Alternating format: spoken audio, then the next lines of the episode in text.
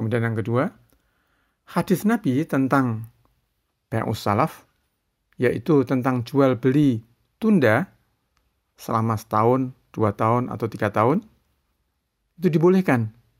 Rasulullah Shallallahu Alaihi Wasallam ketika hijrah ke Madinah, penduduk negeri Madinah sudah biasa membeli kurma dengan model Bai'us Salaf, yaitu serah terima tunda setahun, dua tahun, atau tiga tahun.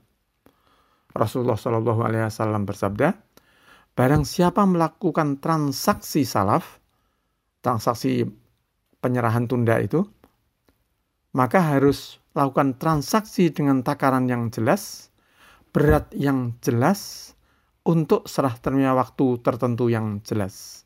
Demikian Sunan Abu Dawud. Dalam hadis ini juga tidak ada keterangan bahwa harga harus harga saat itu tidak ada.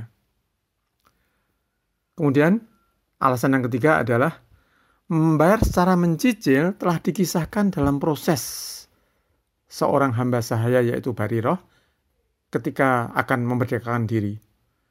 Hadisnya ini diriwayatkan dalam Sahih Bukhari dan Muslim.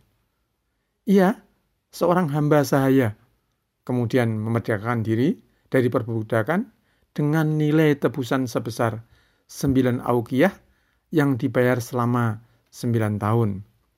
Jadi setiap tahun membayar satu aukiyah. Satu aukiyah itu sama dengan 40 dirham. Jadi uang tebusannya itu sudah disepakati dari awal, yaitu 9 aukiyah dibayar setiap tahun satu aukiyah selama 9 tahun. Alasan yang keempat, Sayyidah Aisyah radhiyallahu anha pernah menceritakan pada Rasulullah Shallallahu alaihi wasallam bahwa beliau menggantikan pakaian perang beliau kepada pedagang Yahudi untuk membeli makanan dengan cara membayar tunda. Sudah bisa diduga bahwa pedagang Yahudi tersebut tidak mau men, tidak mau kalau tidak mendapatkan keuntungan. Pedagang Yahudi tentu memberi harga yang berbeda dengan harga bila dilakukan dengan tunai. Karena itu kesimpulannya adalah uh, mencicil itu dibolehkan oleh syariah. Memang ada yang mengatakan bahwa proses seperti itu itu tidak boleh, yaitu pendapat madhab dohiriyah. Madhab dohiriyah itu adalah madhab yang tekstualis, persis, seperti teksnya apa. Dengan alasan bahwa membayar tunda itu adalah hutang sedang tambahan dalam membayar utang adalah riba. Nah, sebenarnya di sini tidak ada tambahan. Karena akad ketika akan membayar cash atau membayar tunda itu sudah disepakati dari awal. Jumlah harganya sudah disepakati dari awal.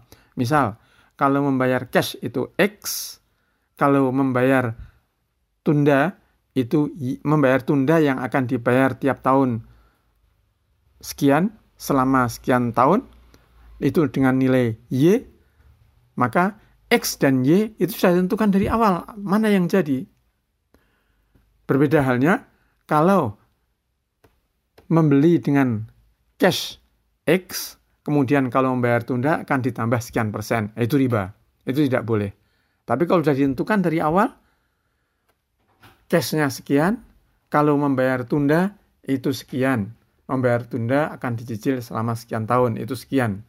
Nah itu bukan masalah, demikian pendapat jumhur ulama.